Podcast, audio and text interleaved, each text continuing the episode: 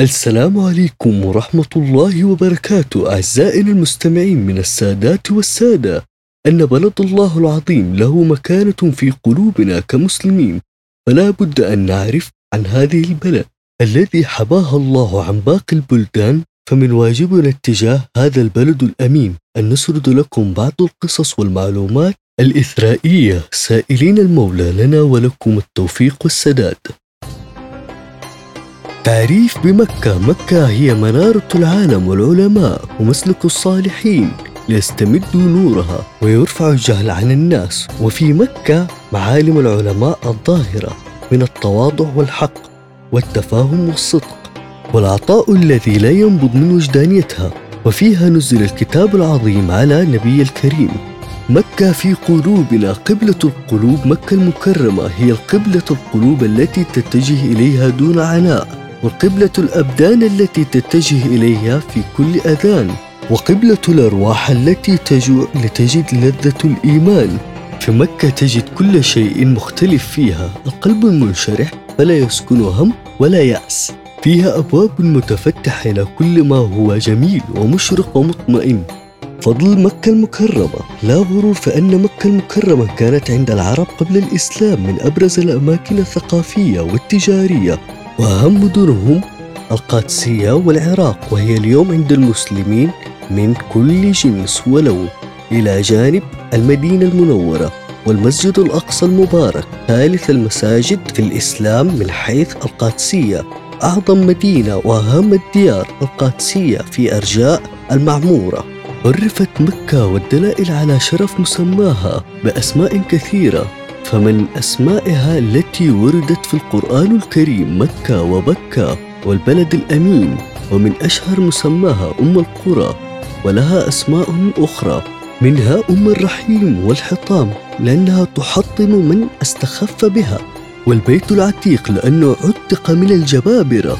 والرأس لأنه مثل الرأس الإنسان. والحرم الأمين والقرية الوادي. والبلدة والبلد ومعاد والصلاح والعرش والقادس لأنها تقدس من الذنوب أي تطهر. المقدسة والناسة والباسة الموحدة لأنها تبس أي تحط. الملحدين. أمر الله تعالى سيدنا إبراهيم عليه السلام أن يقوم ببناء الكعبة الشريفة في مكة المكرمة وعانه في ذلك ابنه إسماعيل لتكوين أول بيت يوضع للمسلمين. استجاب إبراهيم لأمر ربه وقام ببناء الكعبة دون توان أو كسل أو خوف. فقال إبراهيم لابنه يا بني إن الله قد أمرني أن أبنيها هنا بيتنا. فرد عليه إسماعيل بالسمع والطاعة.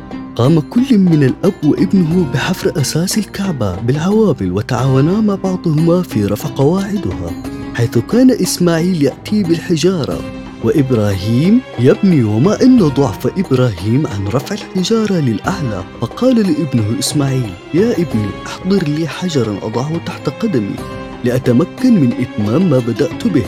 ذهب إسماعيل باحثا عن حجارة لوالده إلى أن وجد حجرا أسود اللون. فقدمه لوالده فقام عليه إبراهيم وأخذه يبني البيت.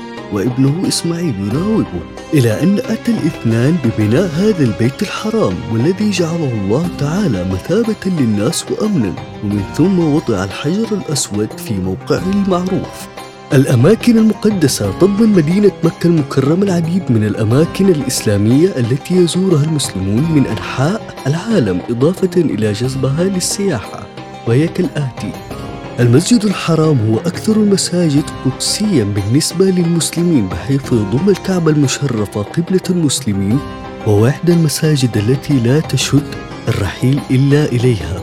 الكعبة المشرفة وهي قبلة المسلمين بحيث يتجه المسلمون إليها أثناء صلاتهم ويطوفون حولها أثناء تأدية مناسك الحج والعمرة. تضم مناطق يقصدها الحجاج أثناء مناسك الحج كمزدلفة ومنى وعرفة. عجائب مكة المكرمة حواها الله مكة المكرمة العديد من المميزات لم يهبها لأي مدينة أخرى ومنها ما يلي تقع في منتصف اليابسة تتمركز مكة المكرمة في منتصف الدائرة بحيث تمر بجميع أطراف القارات المكونة لليابسة. عدم وجود انحراف مغناطيسي عند الخطوط التي تقع عليها مكة. ضبط اتجاه ضلوع الكعبة المشرفة. كل ضلع في الكعبة المشرفة يشير إلى الاتجاه الصحيح. الحجر الأسود حجر سماوي. قال صلى الله عليه وسلم نزل الحجر الأسود من الجنة وهو أشد بياضا من اللبن فسودته خطايا بني آدم. بئر زمزم معجزة من معجزات يمتد بئر زمزم إلى خارج حدود مكة المكرمة تحت الأرض والصخور النارية المتحولة شديدة التبلور كما أن ماء زمزم يشفي من العديد من الأمراض كمرض الجلدية والروماتيزم والتهاب المفاصل. الإحساس بالأمان كل من زار مكة المكرمة يشعر بالأمان والطمأنينة التي يشعر بها في الدول الأخرى. السجود. إن السجود في اتجاه الكعبة. يقي الإنسان من العديد من الأمراض بحيث يعمل على تفريغ الشحنات الكهربائية الضارة. والمرات التي أعاد فيها بناء الكعبة في سياق ذكر الأزرق. بأن الكعبة بنيت عشر مرات. المرة الأولى بناء الملائكة. المرة الثانية بناء آدم. المرة الثالثة بناء شيث ابن آدم المرة الرابعة بناية إبراهيم وإسماعيل المرة الخامسة بناية العمالقة والمرة السادسة بناية جرهم والمرة السابعة بناية قصي والمرة الثامنة بناية القرشي والمرة التاسعة بناية ابن زبير والمرة العاشرة بناية الحجاج.